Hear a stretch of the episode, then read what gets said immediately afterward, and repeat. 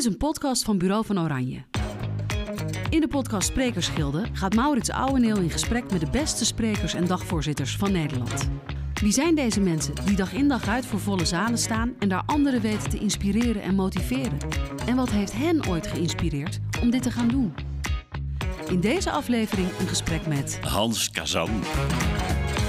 Welkom eh, Hans in de podcast van het Sprekersgilde. Dankjewel. Hans, je staat bekend als de bekendste goochelaar van Nederland en de man die bijna alles kan. Om alvast de kaders van dit gesprek even af te tasten. Wat kan Hans niet? Nou, wat ik absoluut niet kan, is muziek maken. Ik, ik ben altijd heel jaloers op mensen die mooi piano kunnen spelen. Mijn vrouw bijvoorbeeld kan echt heel mooi spelen. En dan wil ik ook zo graag achter zo'n toetsenbord gaan zitten en de mooiste muziek maken. En ik kom niet verder dan boer, ligt een kip in het water. En heel, toen we net getrouwd waren, zei ik, weet niet, ik wil met jou samen muziek maken, maar ik kan niks. En uh, toen hebben we, heb ik een tamboerijn gekocht. Ik dacht, nou, ik kan toch wel in de maat meestaan. Maar zelfs dat ging niet goed. Kan je mijn gedachten lezen? of ik jouw gedachten kan lezen. Ik wou dat ik het echt kon. Dus je mijn vragen weet je nog niet? Nee, nee helaas niet. Nou, dan gaan we daar eens even mee beginnen. Hey, ik heb jouw biografie uh, gelezen, die ter ere van jouw 70-jarige verjaardag en 50-jarige artiestenbestaan is uh, beschreven. Laten we daar eens even een paar uh, onderwerpen uit doorlopen met jouw goedkeuring. Ja, natuurlijk. Een kraamverzorgster van een schoolvriendje inspireerde jou om ooit goochelaar te worden. Ja. Met, met welke truc wisten jullie te inspireren? Nou, wij kwamen uh, thuis bij dat vriendje voorbij waar net een babytje was geboren. Daarom was die kraamverzorgster daar. En het trucje dat ze ons liet zien in de keuken vergeet ik mijn hele leven niet. Ze had een doosje lucifers. Dat mocht ik vasthouden. Dan zei ze hocus pocus pilatus pas. Ik maakte het doosje open. Weg waren de lucifers. En dan zei ze, die bloemenvaas daar op tafel, til die eens op. En dan tilde ik die op. En daar lagen die lucifers. En ik weet echt dat moment van die verbijstering dat ik dacht... Hoe? Hoe dan in vredesnaam? En ja, dat was echt wel de start van, van mijn carrière eigenlijk. Want vanaf dat moment was ik gebiologeerd door goochelen. Wat fascineerde jou daar zo aan? Uh, nou, op de eerste plaats, uh, ik was een heel verlegen jongetje. Ik kwam uit een gebroken gezin. Uh, niet dat dat de reden is, maar ik was gewoon een heel verlegen kind. Ik kon niet zo goed in groepjes, en et cetera. En toen ik eenmaal een goocheltrucje kon doen... en ik kon laten zien, kijk eens, doosje lucifers. Hup, uh, weg zijn ze. En, en iedereen, ah, oh, Hansje, hoe doe je dat? Het gaf mij zelfvertrouwen. En dat zelfvertrouwen was precies wat ik nodig had... om, om wat verder te komen. Je werd Nederlands kampioen goochelen in 1972. Was dat ook het moment dat je van goochelen echt je beroep kon maken? Nee, nog niet. Uh, dat gebeurde eigenlijk een jaar later, in 1973. Toen ging ik naar Parijs, naar de wereldkampioenschappen... waar ik een hele mooie prijs kreeg toebedeeld. En iedereen vond het prachtig. En toen dacht ik, nu. En ja, toen ben ik begonnen met werken. En werken betekende achter mijn oude typemachine zitten... en iedereen briefjes schrijven van... Hallo, ik ben Hans Kazan, uh, boekt u mij? Schitterend. Had je eigenlijk een backup plan als je als goochelaar niet was doorgebroken? Ik had geen uh, vaststaand backup plan, want eigenlijk ga ik altijd voor één ding. Dat zit er van nature gewoon bij mij in. Ik, ik richt me ergens op en dan ga ik ook voor 100%. Laat ik me niet afleiden. Maar als mensen in die tijd wel eens vroegen... Uh, Hans, wat zou je, als je nou een ander beroep moest kiezen, wat zou dat zijn? Dan zou ik heel graag hebben willen schrijven. Ik schrijf nu wel eens stukjes en blogs uh, op LinkedIn bijvoorbeeld. Dat vind ik heel erg leuk. Dat is, ja, daar kan ik een boel in kwijt. Maar dat zou ik echt graag gedaan hebben. En waarom was vooral, dan kon je ergens in een huisje op een berg gaan zitten, helemaal in de rust, want daar houd ik van.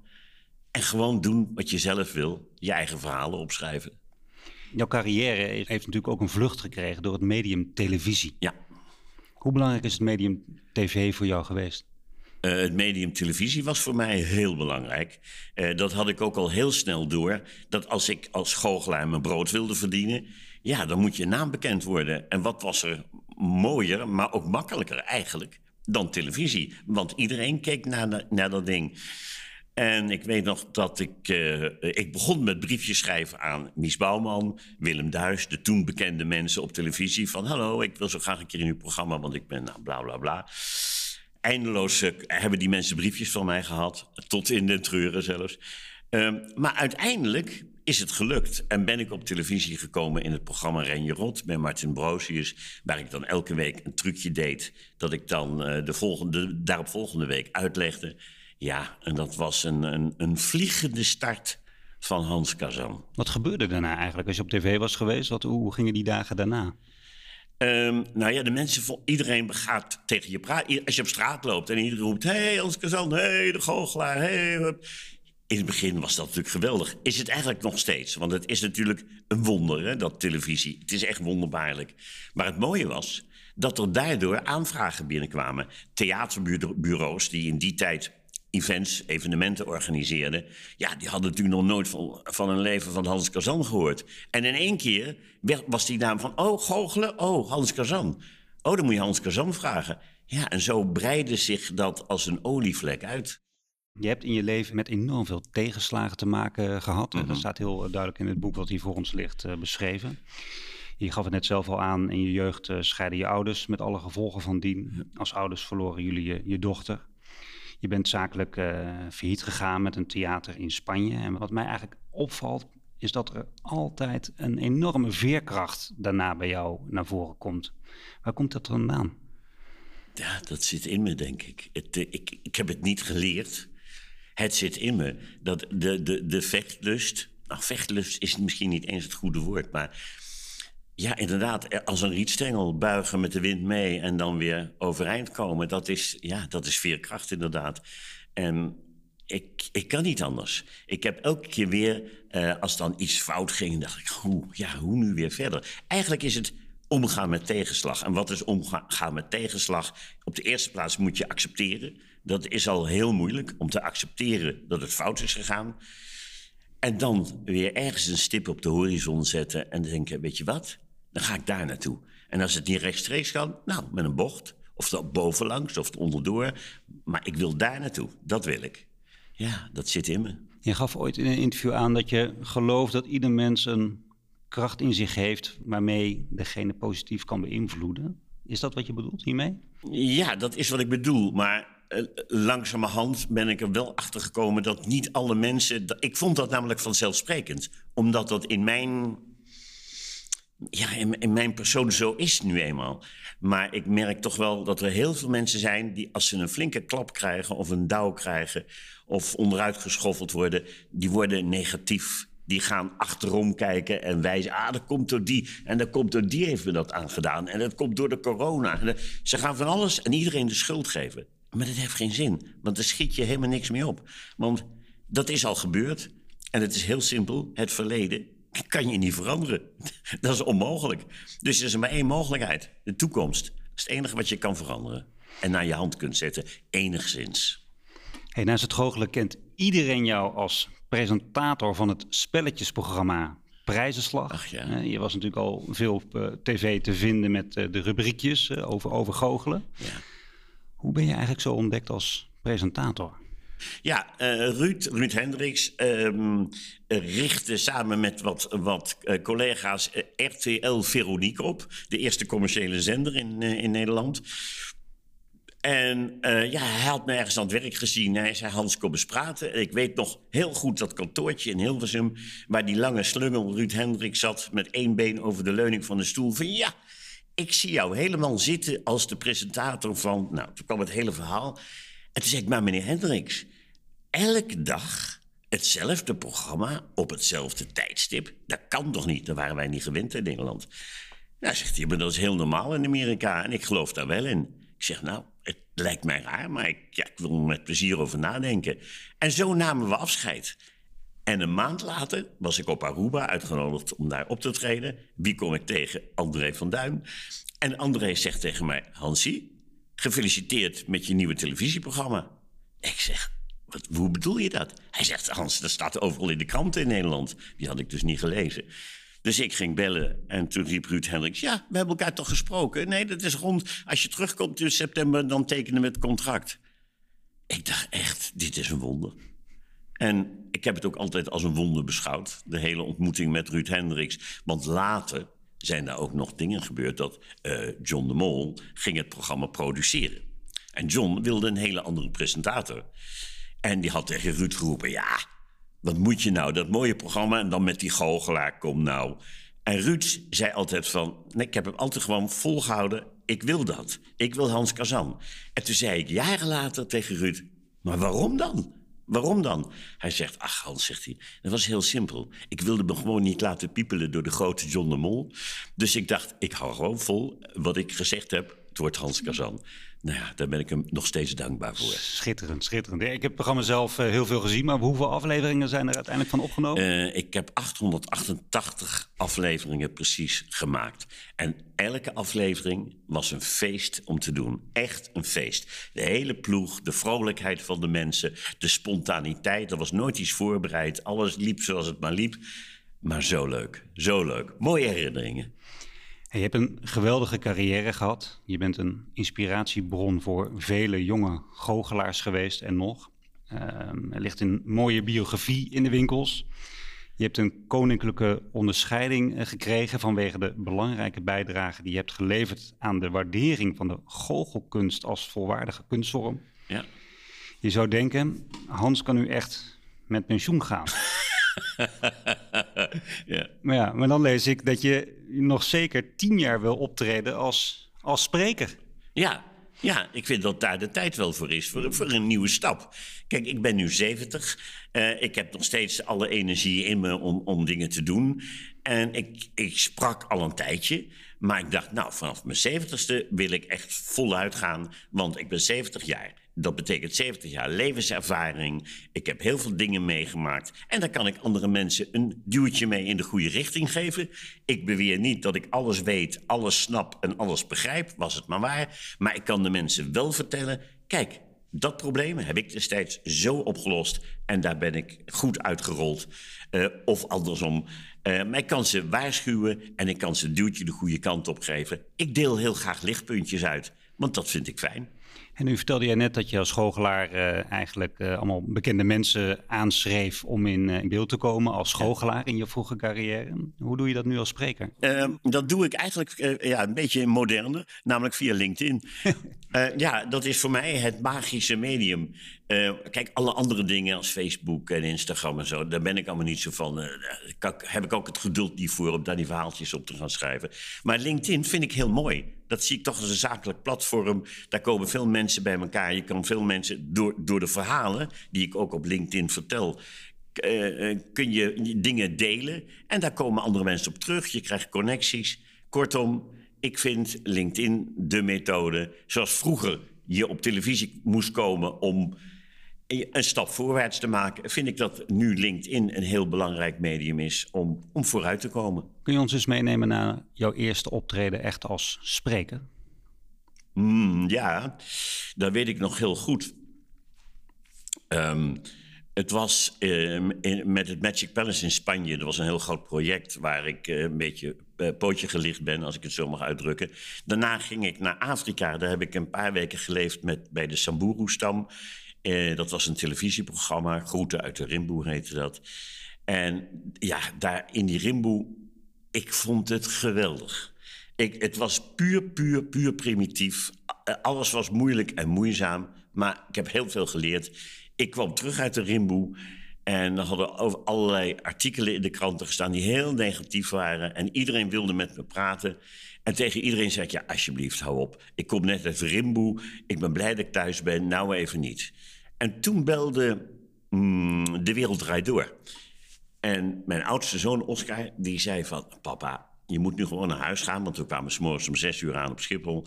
Ga gewoon naar huis, slaap even een paar uurtjes onder de douche, fris. En om half acht zit jij live bij De Wereld Draait Door. Het voordeel is dat het een live programma is, dus ze kunnen er niks in knippen. En dat heb ik gedaan. Heb mijn verhaal verteld over wat er in werkelijkheid allemaal gebeurd is. En toen kreeg ik een week later een telefoontje van een businessclub uit Maastricht. En die riepen: Meneer Kazan, zou u eh, voor onze uh, groep uh, wat meer willen vertellen over deze hele situatie? Ja, dat heb ik gedaan. Dat vond ik in de eerste instantie heel moeilijk. Want ik had geen goocheltruc om me aan vast te houden.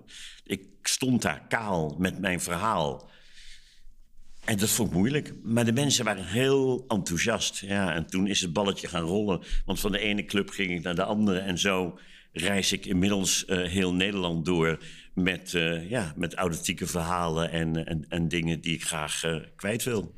Wat zijn de verhalen die je zo vertelt? Is het, en het alle levensverhalen die je hebt meegemaakt? Ja, en wat ik zeg, het zijn authentieke verhalen. Het gaat over vallen, opstaan en weer verder gaan. Dat maakt elk mens natuurlijk in zijn leven mee. De echte verhalen als wat er in Spanje gebeurd is, hoe die business, hoe het mislukt is, wat daarachter zat. Eh, en vooral, hoe ga je om met al die tegenslagen die dan op je weg komen? Hoe bouw je het weer op? En hoe word je uiteindelijk weer een blij en gelukkig mens? Zie je het spreken? Jij zei net, dus, ik kan me niet vasthouden aan een truc. En welke overeenkomsten zie je tussen het goochelen en het spreken? Nou, het enige voordeel is dat ik altijd al uh, goocheltrucs deed waarbij ik sprak. Dus ik ben gewend om te praten. Uh, en ik kan best redelijk goed situaties uh, verwoorden, om het maar zo uit te drukken. Dus dat, dat, dat komt bij elkaar. Maar voor de rest heeft het natuurlijk niets met elkaar te maken. Dit is een veel serieuzere uh, tak van sport. Want je praat over dingen die je in het leven hebt meegemaakt. Hoe je, wat dat met jou doet. Wat dat met je leven doet. Wat dat met je omgeving doet. Hoe los je het op? En vooral, ik kom er steeds weer op terug. Met dat omgaan met tegenslag. Omdat elk mens nu eenmaal tegenslagen krijgt. Kleinere, grotere, maar iedereen krijgt ze. Hoe ga je daarmee om? En hoe zorg je dat dat weer positief wordt en het licht weer gaat schijnen? Wat is er moeilijk aan het spreken zijn zonder goochelen? Wat er moeilijk is. Ja, jij staat nu zonder goocheltrucs eigenlijk op het podium. Ja. Is dat uiteindelijk iets wat makkelijker, steeds makkelijker gaat?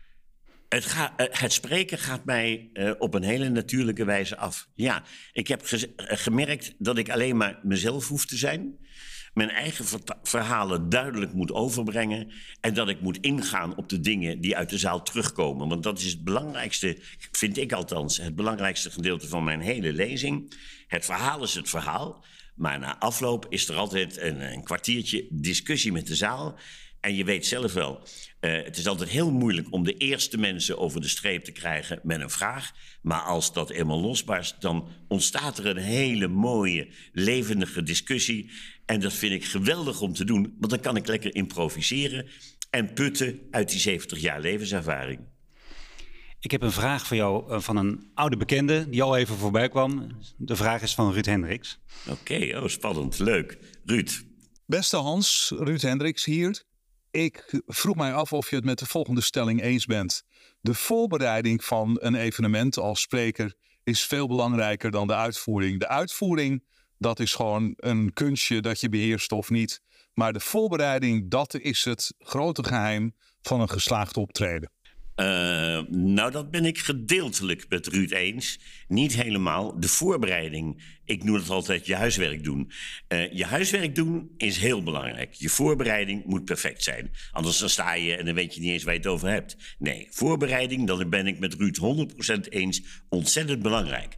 Maar het over het voetlicht brengen zie ik niet als een kunstje. Dat vind ik te, te weinig iets goed over het voetlicht brengen is namelijk ook een kunst. Je moet de mensen kunnen meenemen in je sfeer, in wat je denkt.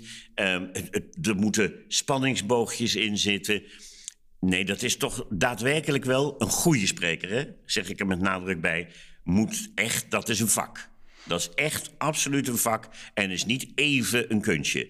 Uh, dus Ruud, ik ben, het, uh, voor, ik, ik, ben het zo graag altijd met je eens, maar hier heel kleine discrepantie. ja, ja. En jij zegt spreken is een, is een vak. Ja. Uh, is dat iets wat je kan aanleren of is dat iets wat je wel al enigszins in je hebt? goed spreken. Op de eerste plaats moet je aanleg hebben. Dat is absoluut een feit. Maar, zeg ik er wel bij, je kan heel goed dingen leren. Natuurlijk. Ik, kijk, ik kan ook naar pianoles gaan. En dan zal ik best aardig een, een deuntje kunnen spelen. Maar ik zal nooit een echte pianist worden. En zo is dat met spreken ook. Je kunt wel leren hè, de, de, kunstjes en hoe je het over het voetlicht moet brengen. En hoe je het hele podium moet gebruiken. En nou, enzovoort, enzovoort.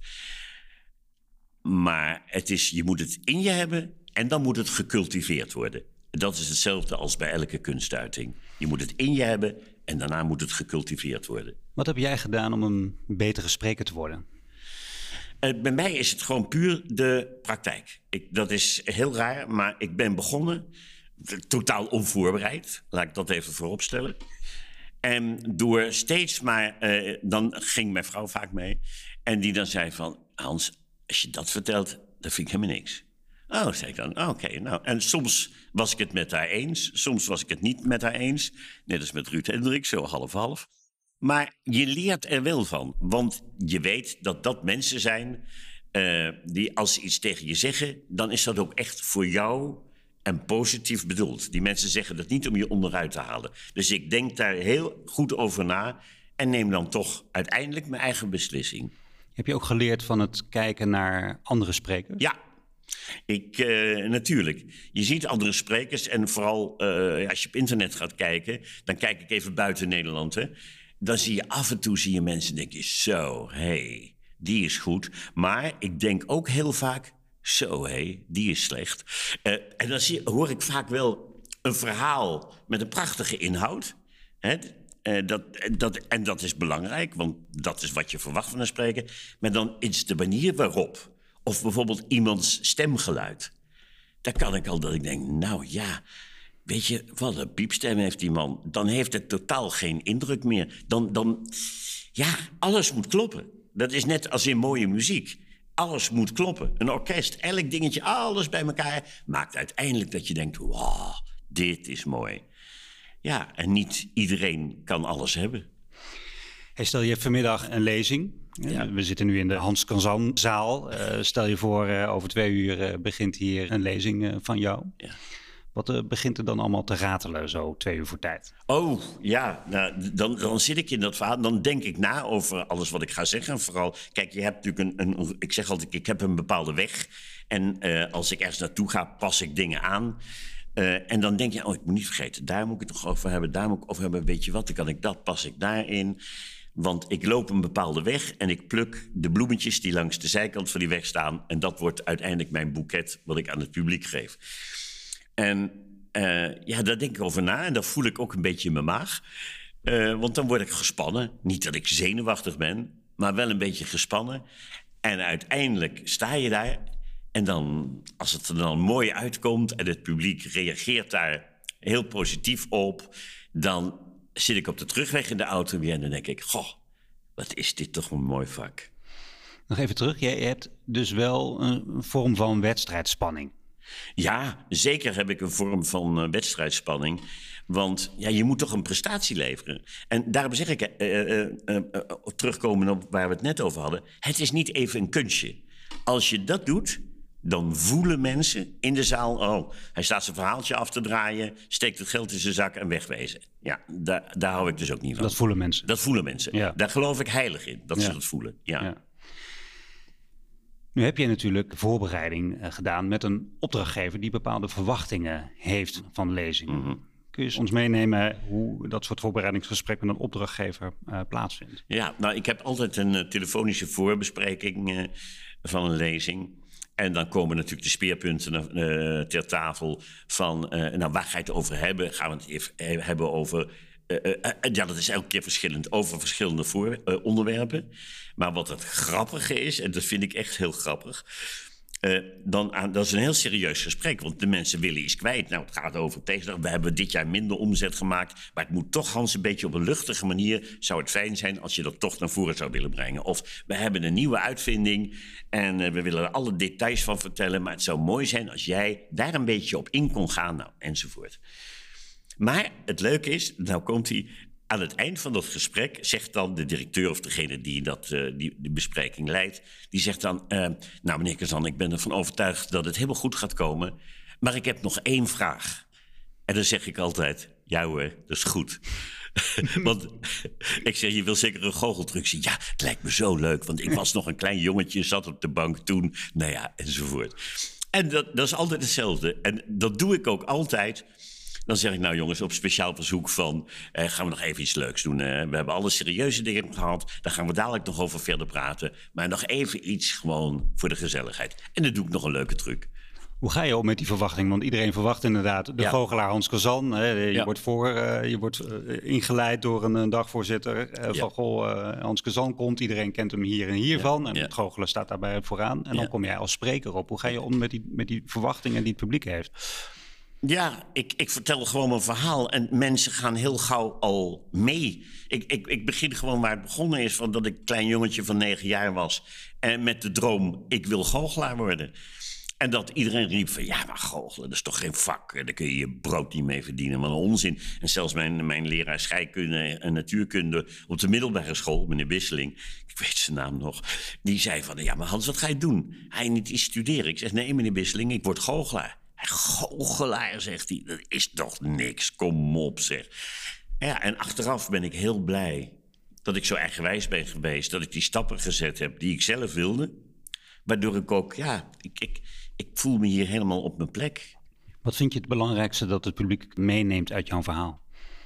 Eh, dat ze altijd weer een lichtpuntje zien. Ook hoe, hoe moeilijk de situatie ook is. Ik probeer ze altijd. eh, ik, ik zeg ook altijd van. Ja, probeer te kijken naar wat je hebt. Dat is een beetje de strekking. En niet te veel naar wat je mist. Want als je alleen maar kijkt naar wat je mist. dan word je ongelukkig van. Hier, dat, zie, dat zie je tegenwoordig bij de jonge mensen op, op, eh, op internet. En ze zien al die mensen en die, en die zitten hier onder een palmboom daar op een luxe schip met champagne, weet ik veel wat allemaal. Al die onzin. En, eh, en dan denk je, ja, maar dat wil ik ook. Of dat is voor mij niet weggelegd. Want eh, ja, dat, kan ik nooit bereiken. Daar worden ze ongelukkig van. Dan moet je, je moet niet kijken naar wat je mist. Je moet kijken naar wat je hebt. Dat moet je waarderen.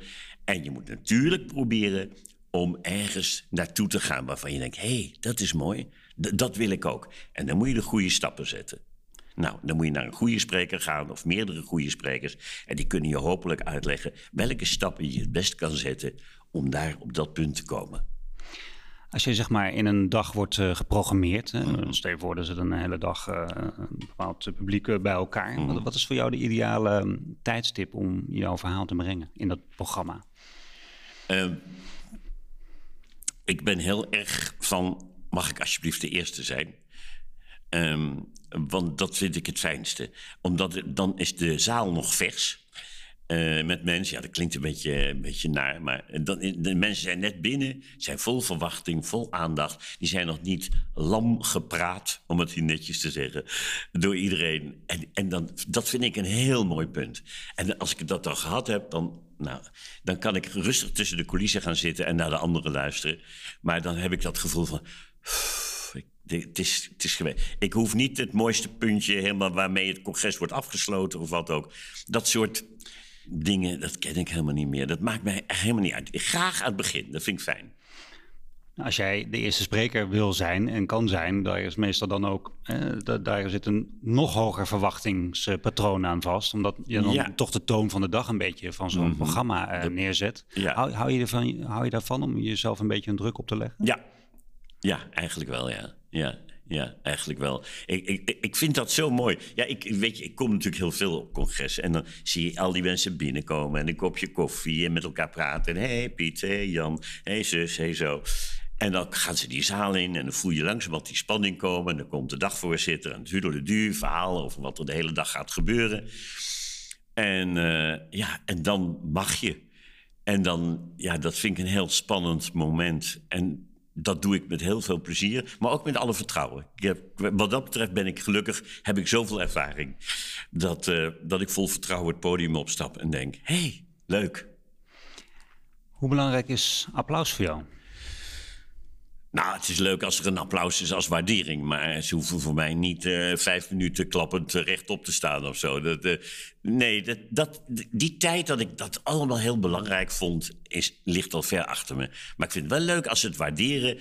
eh, door, ja, door de manier waarop ze luisteren, de manier waarop ze reageren, de manier waarop ze meegaan. En, en na afloop altijd even het bekende pauzebreekje en een, eh, en een slokje en een dingetje. En dat mensen naar je toe komen. Goh, dat verhaal wat je vertelde, hè, dat is wel typisch. Want ik heb ook een keer meegemaakt dat. En dan komen er verhalen.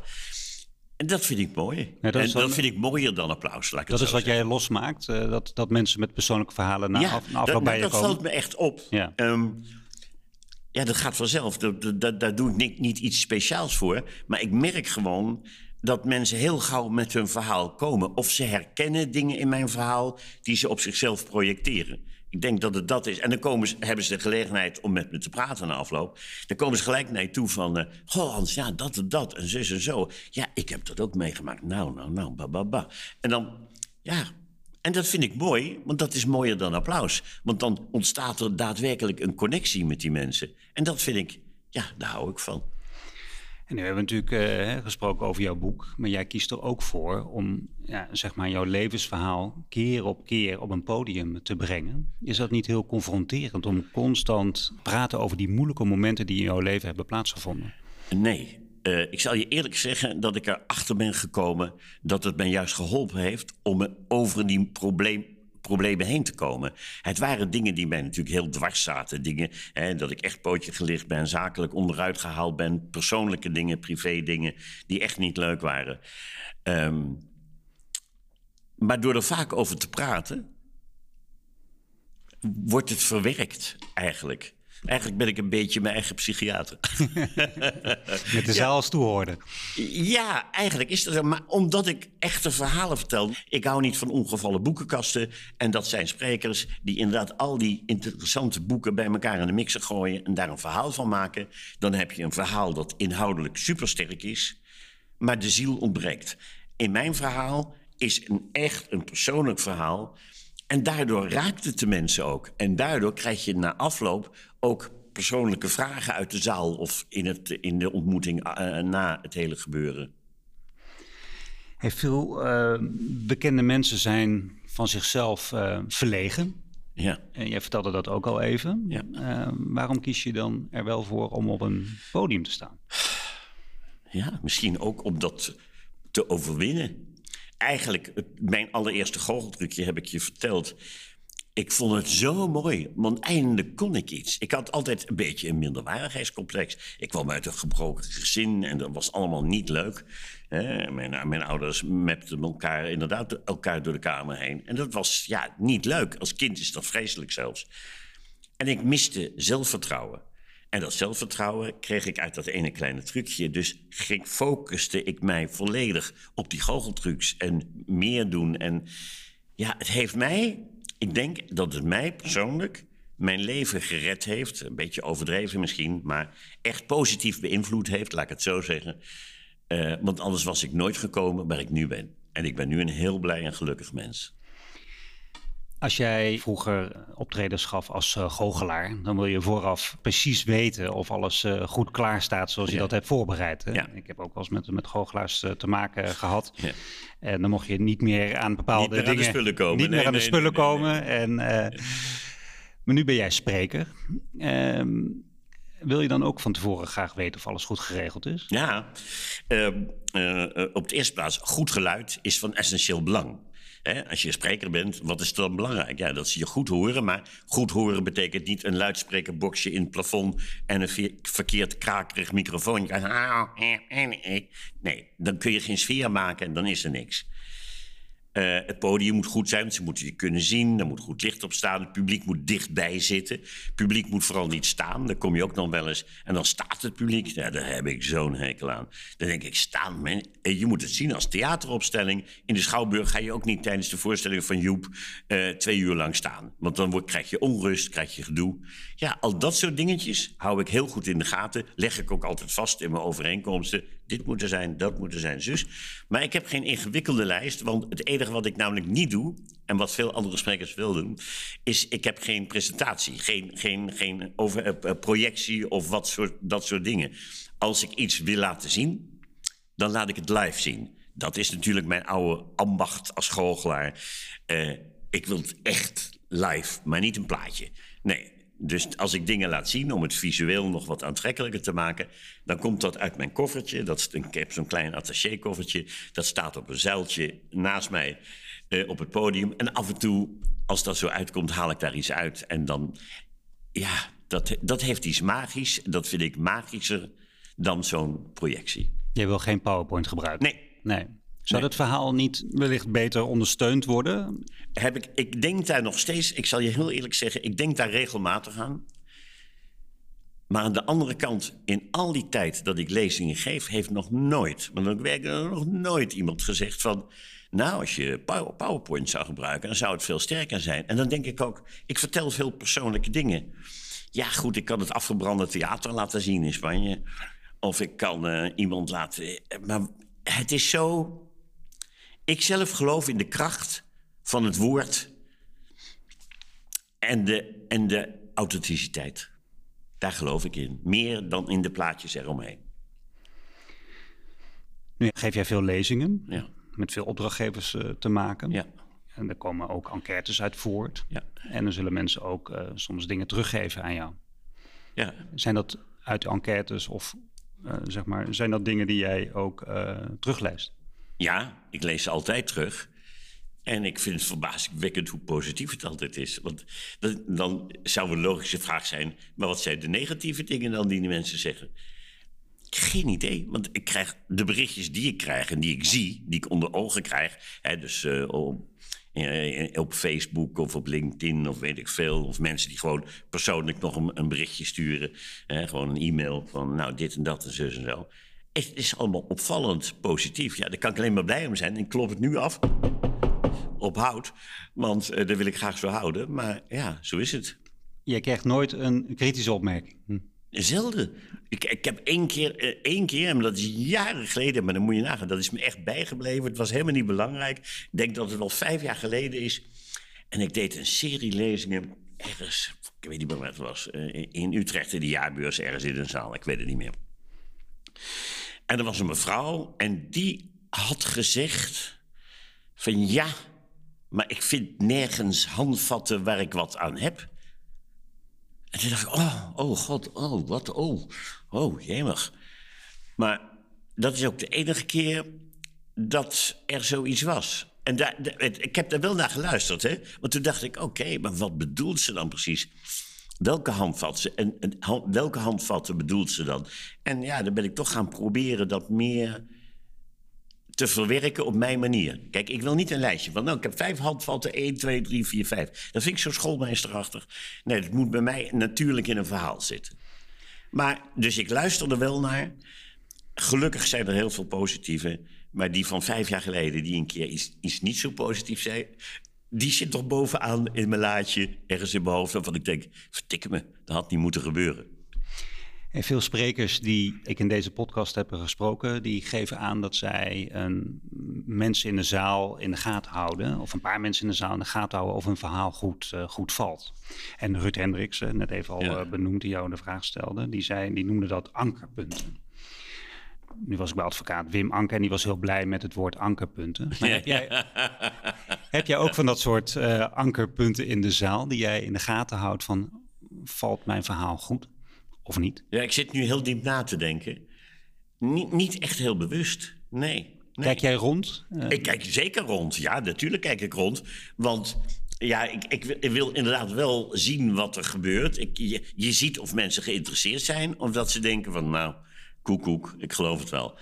Maar ja, ik ben gewe- En ik vind het leuk als bijvoorbeeld de mensen lachen. Er zitten veel grapjes in. En er zit een beetje zelfspot in. En dat vind ik leuk als, als mensen dan eh, echt, die, die lachers die er dan in zitten, als ze die meenemen. En als dat, ja, de sfeer, de algemene sfeer in de zaal, die kan ik best wel zeggen, voel ik goed aan.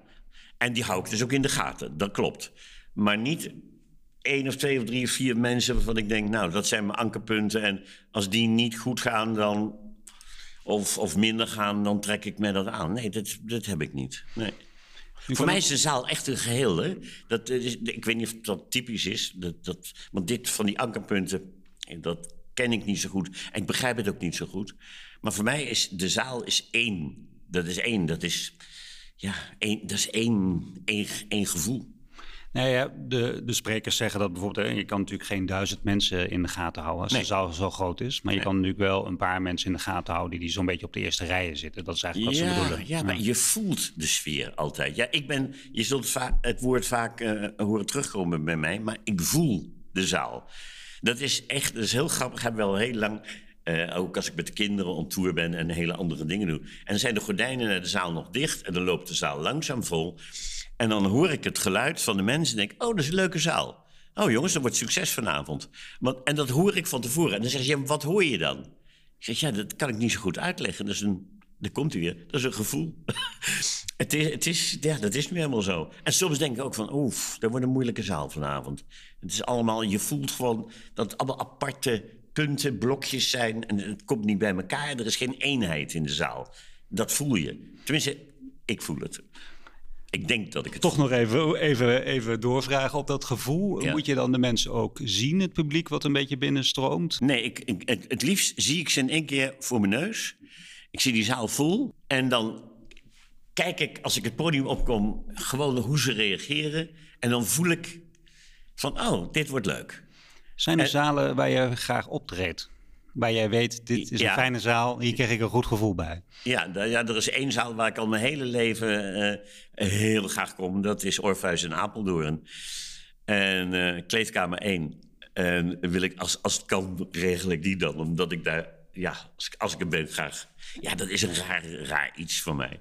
Maar ik kom daar heel graag. Is dat de oude zaal van Orpheus? Ja, de oude zaal. De Rabobankzaal, Ja, volgens mij heet die. Ja, Ja. het is de oude zaal. Ja, Ja. ik, ik heb dat van het begin af aan gehad, dat ik in die zaal dacht van... Hè, ja, ik weet niet, fijn, mensen dichtbij. eh, daar, dat- daar hou ik ook heel erg van. Dan kom je vaak in een zaal en dan hebben ze de stoelen... De eerste rij stoelen staat, staat op, op 10 meter afstand. En denk ik, jongens, waarom is iedereen zo ver weg?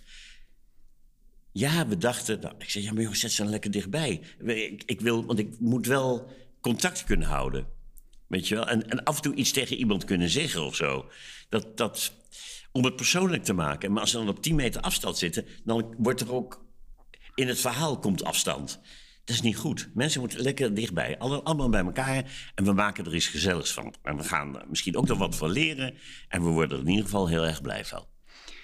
Ik wil je graag eh, vijf korte vragen stellen, Mhm. die ik eigenlijk aan al mijn eh, gasten stel. Hoeveel uur schat jij in dat je al op een podium hebt gestaan? Geen, werkelijk, werkelijk geen. Ja, ik ben nu 70, dat zou ik moeten gaan uitrekenen en dat kan ik helemaal niet. Denk ik, nee, geen idee. Ik, ik sta nu toch wel eh, zeker 50 jaar op het podium en ik weet niet hoeveel voorstellingen ik gedraaid heb en met hoeveel mensen. En, en ik weet kleine zalen, eh, boerenkarren in het grasveld. Ik heb op, op Lowlands gestaan. Waarvan ik echt dacht, Hans Kazan op Lowlands. En oh, dat, dat moment vergeet ik trouwens ook nooit. En het was een half uur voor de tijd in de grote Juliette-tent. En ik dacht, ja, zie je wel, er is helemaal niemand. Wie komt er nou naar Hans Kazan op Lowlands? En, en toen gingen die deuren open. Die hele zaal vol. En buiten stonden allemaal mensen te protesteren dat ze niet meer in konden.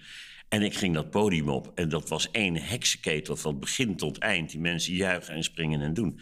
En toen dacht ik echt, hoe dan? Ik snap er, eerlijk gezegd snap ik er helemaal niks van. Ik snap er gewoon helemaal niks van. Het is, eh, ja, ja een, een beetje wonderlijk allemaal. Je gaf net aan bij welke zaal jij het eh, beste gevoel krijgt. Maar wat is volgens jou de mooiste zaal van Nederland? Ik eh, vond, ik persoonlijk, maar dat, ik, ik hou een beetje van de ouderwetse. Ik vond altijd die zaal in Zwolle zo mooi, in een Odeon. De oude zaal, waar, de achteringang aan de Koestraat zat. En, dat, ja, op een of andere manier had ik daar altijd... En natuurlijk Leiden, vergeet er vooral ook Leiden niet. eh, ja, dat zijn wel hele mooie... Ik houd van die hele klassieke zalen met balkonnetjes en draperie en, en, en dat soort dingen. Ja, daar ben ik van, ja. Wat is het grootste publiek waarvoor jij hebt opgetreden? Ja, dat zal dan toch ergens in Carré geweest zijn. Want daar zitten de meeste mensen in. Er zitten er twee, 2200 in of zo, zoiets. Met balkonnetjes erbij. Dus dat is wel de grootste zaal. Ja. Als jij zelf nou niet beschikbaar bent, welke spreker raad je dan aan? Dat vind ik een moeilijke. Welke spreker raad ik aan? Dat vind ik zo moeilijk, want dat hangt af van het onderwerp en van. van en dan nog, ik ken eigenlijk niet zoveel mensen. Ik ben, wat dat betreft, ken ik niet zoveel mensen. Dat klinkt heel raar. Maar ik, ik, ik ken ze van naam natuurlijk. Hè. Ik volg alles wel. Ik volg ze zelfs heel erg. Maar ik ken ze eigenlijk niet persoonlijk. Dus dat vind ik heel moeilijk. Dan zeg ik altijd, ga naar een goed bureau. Welke vraag wordt je na afloop bij de borrel het meest aan je gesteld? Nou, de laatste tijd is de meest gestelde vraag aan mij: gaat het goed met je gezondheid? Eh, maar dat komt doordat er een hele hoos is geweest over Hans Kazan en ziek enzovoort. En dat werd in de pers een beetje erg uh, zwaar aangezet. Ik bedoel, het was wel even niet goed, maar ja, ik was ook wel weer snel weer beter. Maar in de pers uh, schreven ze nog steeds van... Uh, nou, is opgenomen en oh, hij kan niet... Oh, oh Hans Kazans, oh. Ik dacht, ja, kom op jongens, ik ben dan weer beter. Ik ben dan weer lang aan het werk. Wat zul je nou? Ja, dus die vraag wordt mij echt de afgelopen paar weken... Ik had je verteld dat ik in Limburg een tour maakte. Overal gaat het weer een beetje met de gezondheid. Ja, dat is al zo lang geleden. Kom op. Maar dat is wel de vraag die heel veel gesteld wordt lezers van jouw biografie moeten wel beter weten, want Hans uh, staat altijd weer op. Ja, ja, ja eigenlijk uh, tot op heden uh, is dat altijd gelukt. Kijk, er komt natuurlijk een moment dat ik niet meer opsta. En dat zou ik heel jammer vinden, want ik zou het ontzettend jammer vinden om afscheid te nemen van dit leven, wat ik zo leuk vind. Maar ja, het is nu helemaal zo. Hè? Jij vertelde dat je eigenlijk niet zo heel veel contact hebt met, met, met andere sprekers. Nou, sowieso niet met andere mensen. Het heeft niks met sprekers te maken. Maar ik ben niet zo'n sociaal iemand die veel op feesten komt, partijen komt, uh, gezelschappen. Ik, ja, ik ben heel erg op mezelf. Dat, dat klopt. Ja, dus je hebt geen contact met andere sprekers? Nee, dat is juist. Nee. En had je dat als uh, goochelaar ook niet? Dat je ook geen contact hebt met andere goochelaars? Er zijn heel weinig mensen waar ik contact mee heb. De enige waar ik contact mee heb is mijn collega Hans Klok. Uh, en dat is eigenlijk pas van de afgelopen paar jaar dat we wat dichter bij elkaar zijn gekomen. We volgden elkaar altijd, we hebben elkaar altijd, we belden elkaar af en toe. Uh, omdat Hans natuurlijk ook ongelooflijk veel uh, problemen had met gedoe. En ja, die moet ook een klankbord hebben die begrijpt waar het over gaat. Nou, en zo zijn we bij elkaar gekomen. We waarderen elkaar heel erg. Maar als je zegt, ben je al samen de kroeg in geweest, is het antwoord nee. nee. Ik vroeg je net welke spreker kan jou niet vervangen. Dan gaf je aan van goh, uh, dan moeten mensen een bureau bellen. Ja, ja of, of een andere spreker, dat maakt mij niet uit. Nee, precies. Ja. Maar jij staat bij best wel wat sprekersbureaus uh, ingeschreven. Ja. ja. Is dat een vorm van marketing voor jou? Ja, ik denk het wel. Ik, ik, ik weet het niet. Dat, dat is ook iets waar ik zelf wel eens over twijfel. moet je bij al die bureaus ingeschreven staan? Of moet je juist exclusief bij één gaan? Ik weet het niet. Want het probleem is dan altijd... Dan, ik heb wel eens een bureau en die roept van... Goh, kom bij ons en wij gaan exclusief jouw boekingen verzorgen. En dan zeg je, ja, maar kun je me iets garanderen? Nee, dat kan ik niet. Ja, maar waarom zou ik dan exclusief gaan? Ja, daar, daar heb ik nog nooit een goede reden voor gekregen. Nu zijn er veel sprekers die zeg maar wat wisselende ervaringen hebben met bureaus. Hè. Ja. Heel veel sprekers doe je eigenlijk met, met dit verhaal. Ben jij selectief waar je wel niet staat uh, ingeschreven? Nee, ik ben niet echt heel selectief. Nee, ik, ik, wat dat betreft ben ik gewoon jongens, kom maar. Want als, je, als de klant voldoet aan waar, waar ik graag wil staan, nou, dan, dan kom ik. Daar, ik ben niet moeilijk. laat ik dat vooral opsteken. Ik hoor heel veel mensen en die hebben echt... Ik hoorde gisteren ook weer verhalen van... Ja, die en die, die kwam bij ons optreden, bekend iemand. En die had allemaal mensen, want er moesten witte handdoeken in de kleedkamer. Ik zeg, oh, en dan waarschijnlijk uh, een bakje met Smarties, maar geen gele. En nou ja, allemaal dat soort onzin. Weet je, mijn, mijn, mijn lijstje is heel simpel. Er moet goed geluid zijn. Er moet een podium zijn wat goed uitgelicht is, want de mensen moeten het goed kunnen zien. Ik wil graag een parkeerplaats voor mijn auto en een ruimte waar ik me even kan voorbereiden. That's it. En of die ruimte nu een gigantische hotelkamer is... of, of het zijkamertje van de keuken, interesseert me geen bal. Dat interesseert me helemaal niet. Ik wil gewoon maar één ding. Als ik op het podium sta, dat ik samen met die mensen in de zaal... een klein feestje kan maken. Dat ik ze kan vertellen hoe ik over het leven denk. Dat ik ze daarmee misschien dingetjes kan helpen of aanreiken. En dat als we weggaan, dat iedereen blij is. Nu heb jij 50 jaar podiumervaring. Dan zit jij dus vol met kennis op het gebied van hoe je hè, een publiek moet vermaken. Uh, ik kan me zo voorstellen dat heel veel sprekers uh, best wel um, interesse hebben in de kennis die jij hebt. Ja. Sta je daarvoor open om advies te geven aan andere sprekers? Ja, dat, dat, dat, die vraag heb ik ook bij het goochelen gehad. Uh, heel veel mensen. Ik vind dat heel moeilijk. Want dan denk ik, ja, wie ben ik dat ik jou kan helpen? Uh, wat ik wel heb gekregen is een, uh, een bedrijf die veel schriftelijke, uh, veel online cursussen verzorgt. En die ook een cursus spreken willen. En die mij gevraagd hebben: Hans Kazan, wil je daaraan meedoen? Ik heb gezegd: Het lijkt me heel leuk. Maar laat me eerst maar eens zien hoe dan? Hoe zit dat in elkaar? Hoe zie je dat voor je? Wat voor cursus is dat? Wat kan ik erin betekenen? En zit er ook een persoonlijke ontmoeting in met die mensen die, die meedoen? Want ik wil niet alleen een poppetje op papier zijn, om het maar zo te zeggen. Of, of, of in zo'n cursus met een videootje zitten van... nou, je moet vooral uh, links en rechts op het podium staan en, enzovoort. Dus daar ben ik nog mee bezig. Maar ik sta wel open als, als mensen echt persoonlijk naar me toe komen... echt persoonlijk, dan help ik altijd. Want... Uh, en, heel af en toe gebeurt het. Als ik, ik had vroeger een collega, Ronald Moret, hij is helaas heel jong overleden door, door kanker. Uh, maar die kwam echt van, ik wil zo graag dit of dat. Kun je me helpen met zus mijn zoon? Zei, oh ja, natuurlijk. Oh nee, maar ik heb nog wel dit in de kelder staan. Ik heb nog die truc. En weet je wat, kun je misschien zus, kun je misschien zo. Dan ontstaat er iets, begrijp je? Als het, als het me echt aanspreekt. Maar ik ga niet voor Jan en Alleman en, uh, roepen van hoe ze moeten goochelen. Of in dit geval hoe ze moeten spreken. Nee, dat... dat nee. Even terug naar uh, een optreden. Uiteindelijk is dat afgelopen. Wat is het mooiste compliment wat jij ooit hebt gekregen na een optreden? Ja, dat vind ik eigenlijk altijd als je een schouderklopje krijgt. Letterlijk. En ze roepen, goh, wat een mooi verhaal, dankjewel. Dat is voor mij het mooiste.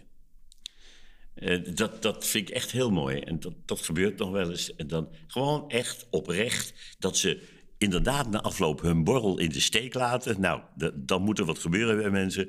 En naar je toe komen om inderdaad op je schouder te slaan en te roepen van... Goh, dit was een mooi verhaal, dankjewel. Nou, dat vind ik mooi. Gewoon het simpele dankjewel is voldoende eigenlijk. Ja, ja, absoluut. Ja. Over jouw tegenslagen hebben we het uh, gehad. Maar nu las ik ook in jouw biografie dat je eigenlijk sinds je zeventiende een handziekte hebt. Oh ja, ja. Dat lijkt me als goochelaar toch funest. Ja, dat klopt. Dat is de ziekte van Dupuytren. Uh, dat betekent dat de pezen in je handen gaan staan. Daar, daar komt iets omheen en dan trek je je vingers langzaam krom. Het is een ziekte die in Europa uh, behoorlijk veel voor, voorkomt, vooral in de Europese landen. Het komt niet voor in Azië of Afrika. Uh, meestal bij mannen en meestal bij mensen boven de 50. Bij mij was het toevallig, doordat ik heb in aanleg dus die ziekte... Um, werd er op school tijdens het voetballen opgetrapt. En daardoor is het hele proces vervroegd in werking gezet. Ja, en toen ik dus goochelaar wilde worden...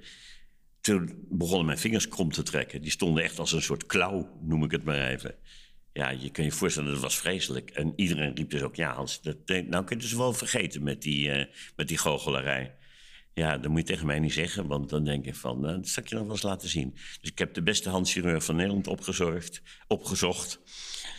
En uh, die heeft mij destijds geopereerd. Wel gewaarschuwd, Hans, het komt ongeveer elke vijf, zes, zeven jaar komt het weer terug. Zul je opnieuw eh, onder het mes moeten.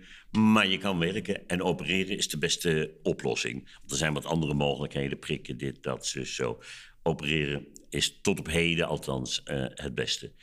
Ja, en zo heb ik het altijd gered. En uh, daar ben ik heel blij om. Dus ondanks dat jij eigenlijk vanaf het begin eigenlijk al wist... ik heb eigenlijk een hand die een bepaalde ziekte heeft... heb jij toch meer dan de top kunnen bereiken eigenlijk op het gebied Ja, dat is heel vreemd. En ik weet dat ik zelfs werd uitgenodigd bij een club van internationale handchirurgen. Die kwamen uit de hele wereld bij elkaar, ook ergens in een jaarbeurs of zo, ik weet niet meer. En daar hield ik ook een toespraak. Want ik was natuurlijk wel een bezienswaardigheid. Een goochelaar die in twee handen Dupuytren had. Dus, en, die toch gewoon daar op het podium stond en al zijn dingen deed. Maar ik heb van jongs af aan geleerd om uh, ja, uh, uh, de trucs aan te passen. Dus mijn techniek eigenlijk aan te passen aan mijn handicap.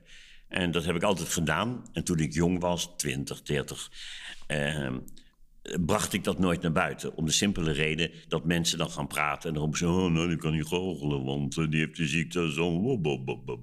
Dan gaat iedereen praten. Dus ik dacht, nou, vooral niet over praten. Af en toe gewoon even twee maanden uit de roulatie. Want dan moet je en opereren en weer bijkomen. En, uh, en nu, ja, nu ben je wat ouder en dan maak je dat allemaal eigenlijk niet zoveel meer uit. En denk je, nou jongens, uh, het is zoals het is.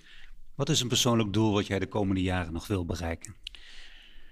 Uh, het persoonlijke doel. Ja, het persoonlijke doel is om uh, nog uh, zo lang mogelijk uh, te genieten van het leven. En wat is genieten van het leven? Zoals je wellicht weet, ik woon al 23 jaar of zo in Spanje. Ik vind dat heerlijk, dat leven. Daar werk ik ook. Ik heb daar gewoon mijn werkkamer en mijn computer en, en, meer heb ik niet nodig. En ik wil dat het liefst samen met Wendy. Want, en Wendy is mijn vrouw. Uh, we hebben met z'n twee een fantastisch leuk leven. Echt gezellig, leuk. We doen veel dingen. Als ik naar Nederland ben, gaat het altijd mee.